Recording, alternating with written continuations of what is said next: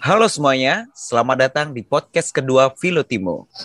Seperti sebelumnya, kita akan membahas hot topic sekitar dunia perkuliahan.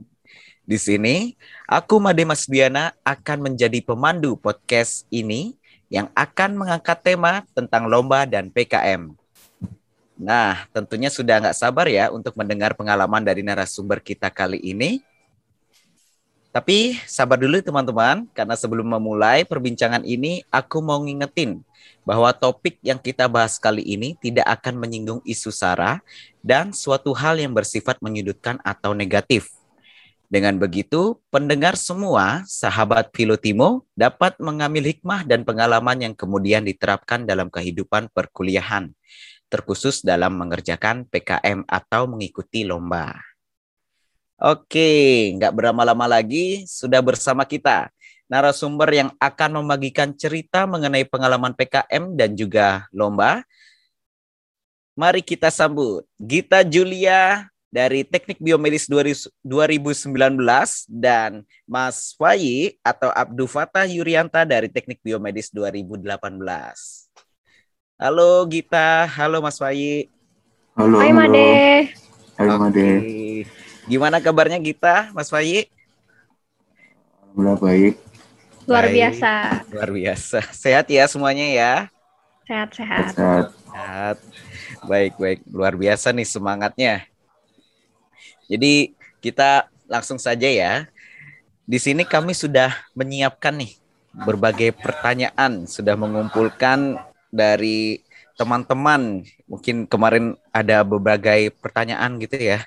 Di sini kita akan dijawab teman-teman oleh narasumber kita Gita dan Fayi, Mas Fayi ya. Tapi sebelum itu, di sini mungkin dari Gita atau Mas Fayi boleh dong cerita kira-kira dulu gimana ketika pertama kali membuat PKM atau mengikuti lomba itu tentang apa sih PKM-nya dan lombanya itu lomba apa dan sampai saat ini sudah sejauh mana nih langkah Gita dan Mas Wayi sehingga mencapai pencapaian yang diraih gimana mungkin dari siapa dulu nih Kita dulu aja. oke oke silakan Gita Oke, aku dulu ya. Em, jadi aku pertama kali ikut lomba itu bulan Agustus ya tahun 2020. Waktu itu di grup besarnya HMTB ada kakak tingkat yang nge-share tentang eh, lomba dari BNMAX dari Bio- Biomedical Engineering ITS dan itu jujur pertama kali aku ngikutin lomba yang bersifat akademik seumur hidup. Dan puji Tuhan waktu itu eh, karena nggak tahu ya karena apa aku bisa tiba-tiba dapat juara satu sih. Kaget juga. Dan waktu itu aku em, belajar dari YouTube ya tentang gimana cara nyusun karya tulis ilmiah, terus cara presentasi yang baik, dan aku juga nanya beberapa orang, terus akhirnya aku tahu teknik-teknik cara ngikutin lomba gitu dan bisa ngelakuin yang terbaik. Nah sejauh ini sebenarnya aku juga nggak terlalu ngikutin banyak lomba sih, baru beberapa doang, dan yang dapat award tuh juga cuma belum banyak-banyak banget, mungkin belum sebanyak teman-teman yang lain tapi sampai saat ini aku masih kayak berusaha nyari-nyari lomba yang kira-kira cocok buat aku gitu yang kira-kira masih masuk lah di bidang kita dan yang masih bisa aku sanggupi gitu Adaw, mantap sekali ini baru pertama Mantap, kali mantap. ikut langsung, Langsung juara. iya kaget Gila, juga gila. waktu itu Itu apa yang dicari kita di Google ya, di YouTube-nya? Bagaimana pertama kali ikut lomba langsung juara gitu ya? oh bukan gitu dong Wade. Enggak aku tuh nyari eh, apa ya kayak cara menyusun karya tulis ilmiah yang baik gitu terus cara presentasi yang baik. Ada waktu itu nama channel YouTube-nya Arena Lomba kalau nggak salah. Nah di situ lengkap banget dia ngejelasin teknis-teknis eh, cara menyampaikan inovasi kita dengan baik gitu Asik. Oke guys, nanti kita langsung cek ya YouTube-nya Arena Lomba. Siapa tahu langsung dapat juara juga nih habis nonton dari. Arena Lomba. Oke, kita beralih ya ke Mas Fayi. Kalau Mas Fayi gimana Mas ceritanya? Eh, kalau aku, dia pertama kali aku buat PKM itu waktu 2018 akhir tahun ya, waktu masih maba TB. Jadi waktu itu eh, kan awalnya itu kita kan waktu pemaba atau ospek ini kan disuruh buat itu ya PKM buat maba. Nah itu aku juga buat sih sama teman-temanku TB. Tapi habis itu uh, waktu liburan gitu, waktu bulan Desember atau Januari itu tiba-tiba dokter Yanti itu besar gitu ya di grup wali. Terus uh, bilang kalau misalnya buat teman-teman yang mau buat PKM GT itu atau PKM KT yang lainnya bisa minta dokter Yanti jadi pembimbingnya gitu. Akhirnya aku ngajak temanku temanku yang FKH gitu ya. Punya teman UKM ku buat ikutan. Akhirnya alhamdulillah waktu itu bisa lolos ke timnas gitu ya. Pengumuman bareng yang timnas lima bidang lainnya. Terus uh, akhirnya tiap tahun akhirnya aku termotivasi buat PKM lagi. Terus akhirnya alhamdulillah tahun ini bisa dapat pendanaan lagi di PKM mungkin gitu wow. Ini sama ya kayak kita ya pertama kali membuat langsung timnas gitu. Tapi nggak juara loh. Timnas aja. Tapi udah timnas itu udah sulit banget kan mas? Iya udah keren banget. Iya iya. Wah narasumber kita gokil-gokil ya. Jadi udah nggak salah nih diundang untuk podcast kali ini. Oke, mungkin kita lanjut ke pertanyaan yang sudah di, kita kumpulkan ya. Ini dari teman-teman Mungkin yang pertama terkait PKM nih. Ada yang bertanya yaitu at AIUEO ya. namanya namanya tidak ada teman-teman, mohon maaf. Jadi bagaimana sih cara mencari ide dan ada nggak kesulitan dalam mencari ide? Mungkin. Mas Fai bisa jawab ini. Uh, mencari ide ya itu menurutku hal yang paling krusial ya ketika ya nggak cuma di PKM ikut lomba pun ya mencari ide itu hal yang sangat krusial. Nah, uh, kalau buat aku cara cari ide itu uh, nyari ini sih permasalahan yang paling menurutmu krusial lah yang sedang terjadi waktu itu ya. Kalau misalnya waktu aku PKMGT itu kan itu kan termasuk PKM aksak ya. Jadi ya pertama selain kita menyesuaikan apa yang mau kita ikuti, misalnya kalau lomba kan ada tema sama subtema, kalau PKM kan ada berapa kelas ya, PKM lima bidang sama PKM ada tulis. Ya kita juga perlu lihat keadaan yang sedang terjadi itu kira-kira gimana yang menurut kalian itu yang bisa diangkat menjadi tema atau ide yang bisa di kalian tulis gitu. Kemudian yang kedua juga uh, sebisa mungkin cari yang kira-kira kalian bisa paham gitu ya tentang ide itu. Jadi misalnya uh, PKMGT kemarin itu kan tentang uh, mengatasi tsunami ya. Nah itu karena aku pahamnya ke arah teknologi, jadi aku coba atasi itu ke arah teknologi gitu misalnya. Uh, kemudian misalnya yang PKM sekarang itu juga uh, aku lebih banyak nyarinya itu lebih ke yang berhubungan sama teknik biomedis, misalnya untuk penyembuhan penyakit atau untuk membantu orang-orang yang tunawicara atau semacamnya kayak gitu. Kesulitannya sih banyak sih menurutku.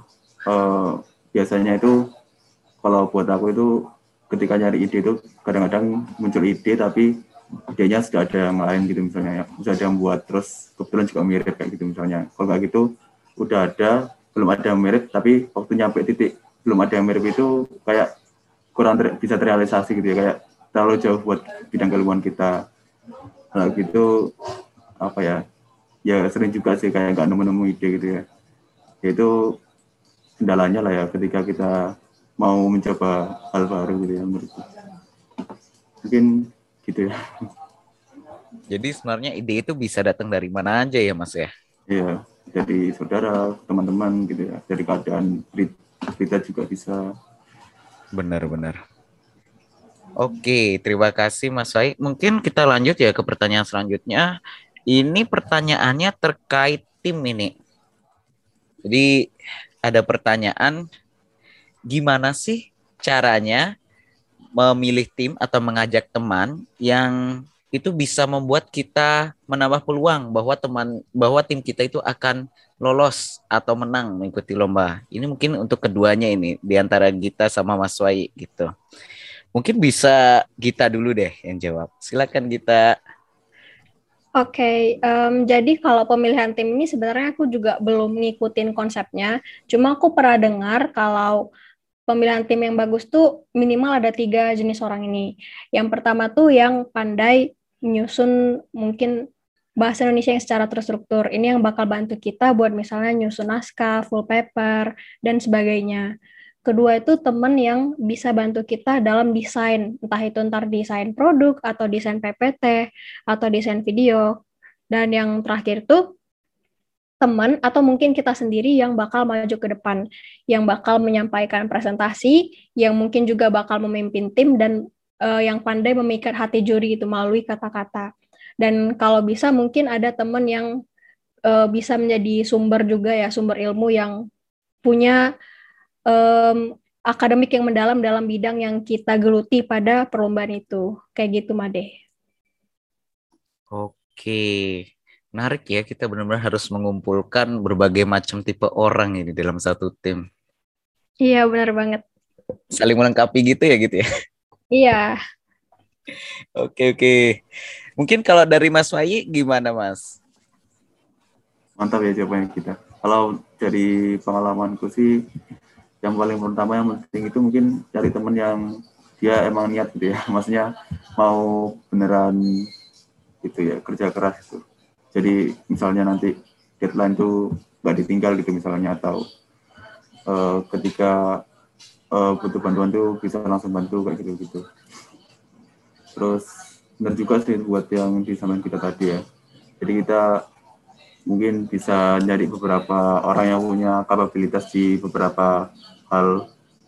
Misalnya desain itu kan sekarang juga sangat perlu kemudian uh, penyusunan naskah dan lain-lainnya itu juga sangat penting sama yang lain itu mungkin nyari yang sebid yang sebidang sama idenya sih. Ini mungkin tambahan ya karena nyari kadang-kadang ada orang yang nyari ide baru baru buat tim kalau gitu buat tim dulu baru nyari ide jadi mungkin buat yang udah punya ide dulu terus baru nyari tim itu bisa disesuaikan gitu ya sama bidang keilmuan anggota-anggotanya sehingga bisa uh, banyak kontribusi juga di keilmuannya kayak gitu mungkin.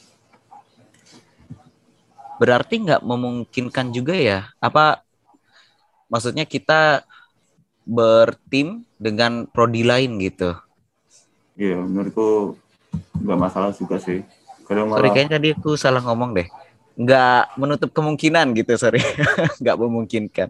Nggak menutup kemungkinan kita bisa satu tim dengan prodi lain. Misalkan sekarang kita sains dan teknologi, kita juga bisa ngajak misalkan yang dari FISIP atau sosio humaniora gitu ya Mas ya? Iya, kalau menurutku sih selama ide kalian atau apa yang mau kalian angkat itu ada interseknya ya sama yang kalian ajak itu menurutku malah bagus sih karena nanti akan menambah wawasan kalian karena kalian kan juga nggak tahu apa yang mereka kerjakan sehingga bisa menambah apa yang akan kalian bahas di proyek atau tulisan yang akan kalian mau buat kayak gitu. Oke, menarik nih. Dan ini juga biasanya jadi seperti kalau semisal kita berbeda gitu ya misalkan sains dan teknologi habis itu sosio humaniora. Ada nggak sih suatu ketika itu ketika menentukan ide itu ada perdebatan? Atau mungkin kok nggak ketemu-ketemu ya? Atau mungkin ketika ingin memulai suatu karya menulis karya misalnya Mas Wayi di PKM atau Gita misalnya lomba KTI gitu karya tulis ada nggak terjadi perdebatan atau kok nggak ketemu ya sama orang ini gitu? Pernah nggak sih mungkin coba aku dulu mungkin ya. Uh, boleh boleh mas. aku sih pernah mungkin ya. Sama jadi kendalanya kalau sama misalnya kita sama anak sosial itu ya yaitu ya benar-benar nggak banyak gitu yang intersek ya sama bidang keilmuan kita. Biasanya tuh kalau misalnya nggak intersek nggak nggak ketemu itu kadang-kadang bahasanya lebih ke bidang keilmuannya itu kayak kayak apa ya? Kayak misalnya aku mendalami teknologi terus jadi aku bahasnya tentang teknologi jadi dia nggak paham. Terus dia bahasnya tentang fenomena sosial terus pendekatannya juga dia mintanya fenomena sosial akhirnya aku nggak paham kayak gitu. Jadi agaknya susah gitu ya dapat ide yang bisa ya buru-buru menyelesaikan masalah ya. Menemukan masalah yang sesuai buat kelompok kita aja nggak bisa gitu. Terus akhirnya gimana mas? Gimana tuh tipsnya? Sampai ketemu satu ide yang wow gitu hmm, gimana ya? Kalau menurutku sih nanti kalau nggak ada satu anak yang kelompok maksudnya dari satu pihak itu dia mungkin kurang banyak bahas tentang bidangnya sendiri tapi lebih banyak bahas ke bidang lainnya. Itu nggak apa sih menurutku nanti kayak belajar dari nggak nggak dari awal juga yang yang perlu dipelajari aja. Terus kalau nggak gitu ya ini sih kesan masalah sih. Jadi kayak kira-kira nyari masalah apa yang emang ada dua komponennya itu yang bidang ilmu yang bisa ditemukan kayak gitu sih menurutku Siap. Jadi harus benar-benar saling tahu dan mengerti nih satu sama lain. Oke, mungkin kalau dari Gita, gimana Gita? Pernah nggak kejadian seperti itu? Uh, kalau aku pribadi sih belum pernah ya sekelompok sama teman-teman yang dari sosum. Cuma kalau dari uh, sepengalaman aku pernah sih kayak terjadi kayak perdebatan kecil lah. Tapi bukan lebih bukan karena perbedaan pendapat sih lebih ke pembagian tugasnya. Jadi kayak uh, mungkin si A-nya kayak ngerasa capek sendiri si B-nya kayak lebih santai gitu. Nah jadi mungkin benar yang dibilang sama Mas Wai kalau kita tuh juga harus uh, nemuin teman sekelompok tuh yang memang niat yang bisa berkontribusi besar juga sama-sama bisa berjuang buat um, lomba yang kita perjuangkan ini. Jadi kita nggak ngerasa uh, berat sendiri gitu. Oke. Ya, kembali lagi kita harus saling mengerti dan lihat juga lah anggota tim yang lain. Jangan cuma lihat kitanya aja, jangan cuma enaknya kita aja gitu ya kita ya. Iya. Oke, kita lanjut ke pertanyaan selanjutnya ya. Jadi ini untuk lomba ini kayaknya nih apa saja faktor-faktor yang kurang diperhatikan bisa menyebabkan kegagalan dan bagaimana cara menyikapi kegagalan tersebut dan gimana juga membuat diri kita tetap semangat. Wah, banyak nih pertanyaannya. Banyak ya. ya, langsung tiga sekaligus ini. Mungkin kita bisa bantu jawab kita. Uh, Oke, okay. kalau sepengalaman aku, faktor yang paling sering bikin aku gagal itu uh, adalah procrastination atau penundaan. Jadi aku tuh misalnya nih sebulan ini semangat buat ngikutin lomba dan aku udah nge-save um, lima lomba lah ya. Dan jaraknya tuh misalnya lomba A ke B tuh jaraknya tiga hari lomba B ke C tuh jaraknya dua hari. Dan aku tuh memang tipe orang yang suka nunda-nunda. Um, biasanya tuh aku suka ngerjain lomba tuh Hamin satu, entah di babak mana pun, atau maksimal Hamin tiga lah. Dan padahal, terutama nih ya, kalau lomba yang aku ikutin tuh, misalnya agak di luar bidang aku, pasti aku harusnya butuh ngulik-ngulik jurnal, ngulik-ngulik sumber pustaka dulu kan kayak kita buat nyari-nyari spesifikasi ilmu yang mendalam gitu. Tapi karena aku suka nunda-nunda, aku jadi sering kehabisan waktu buat nentuin idenya. Padahal kalau menurut aku tahap paling susah itu yaitu nentuin konsepnya secara spesifik. Misalnya kayak judulnya apa, inovasi apa yang mau kita berikan, terus teknisnya gimana, itu kan perlu di brainstorming itu kan, perlu kita ulik lebih dalam.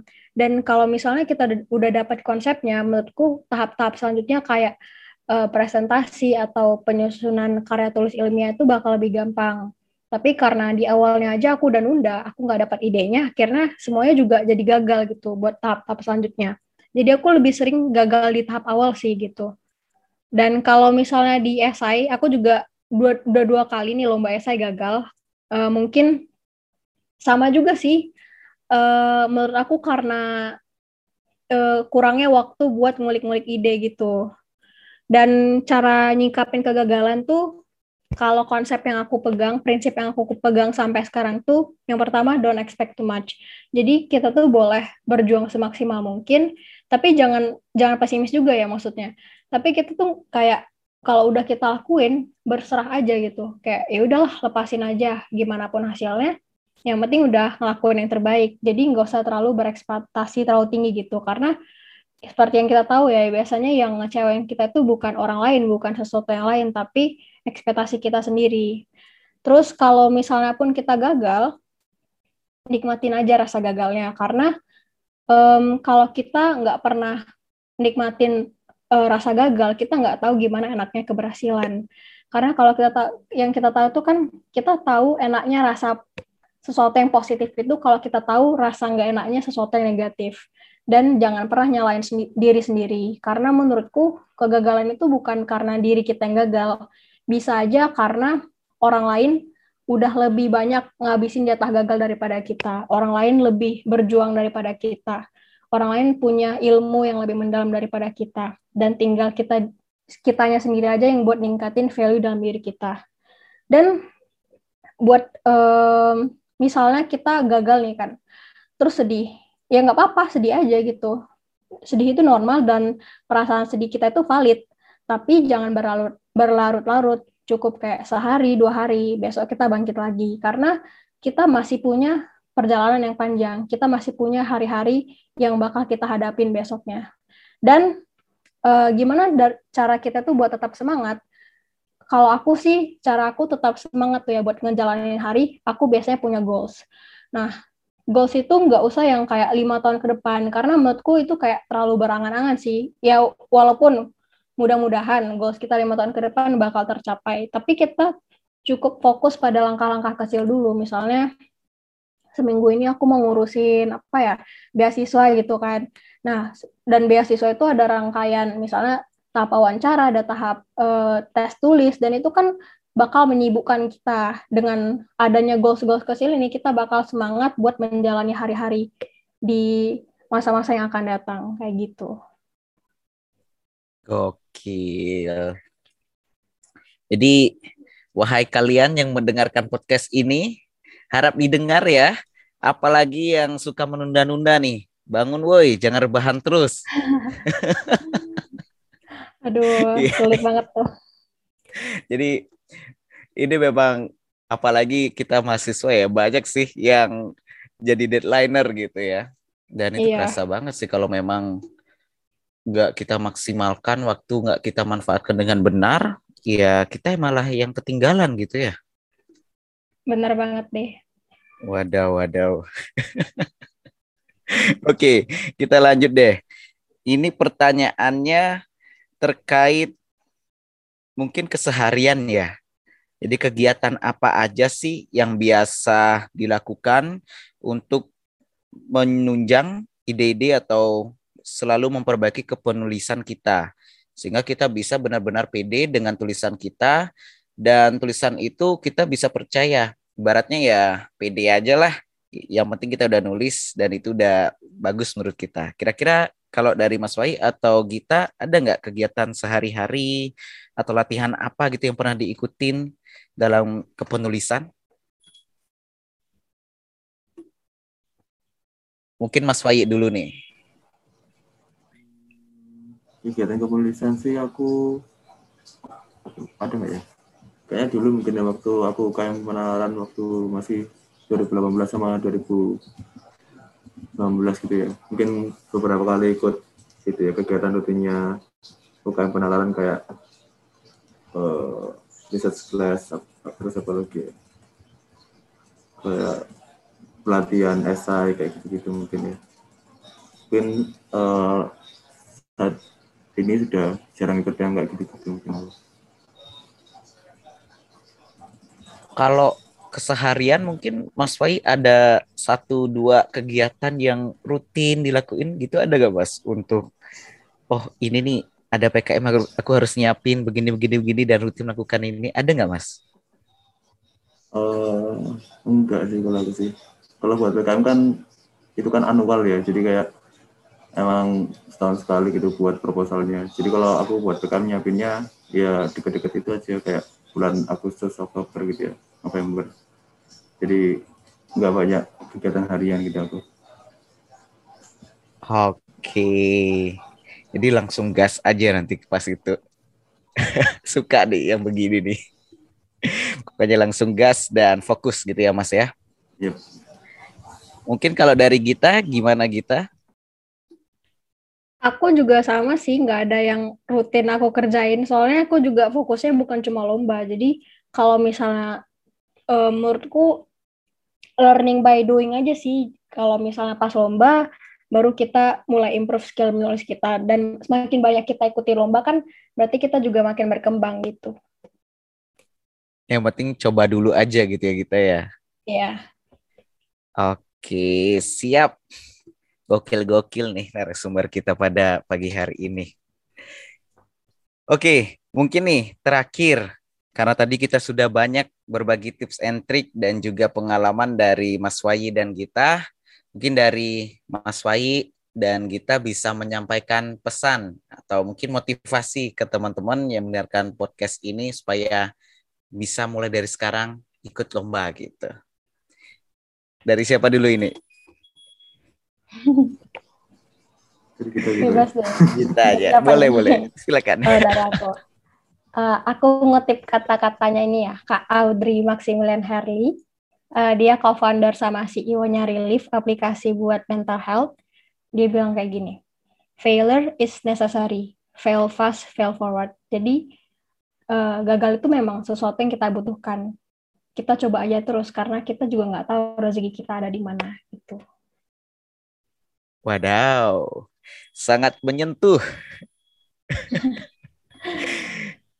Oke, terima kasih Gita. Kalau Mas Bayi gimana Mas? Uh, kalau aku mungkin ini ya, buat ikut PKM itu menurutku uh, teman-teman yang mau ikut itu nggak ada ruginya. Rek. Jadi PKM ini juga bisa jadi sumber buat teman-teman itu masa pengalaman kalian bukan hanya di kependudukan tapi juga di uh, kemampuan teknikal ya. Karena yang akan kalian tuliskan nanti akan kalian lakukan. Jadi buat teman-teman yang mungkin merasa kemampuan teknikal itu juga sangat penting itu PKM adalah salah satu jalannya gitu. Oke jadi ya udah coba aja nggak ada ruginya kok. Iya. Terima kasih Mas Wayi terima kasih kita sudah berbagi pengalaman dan ceritanya.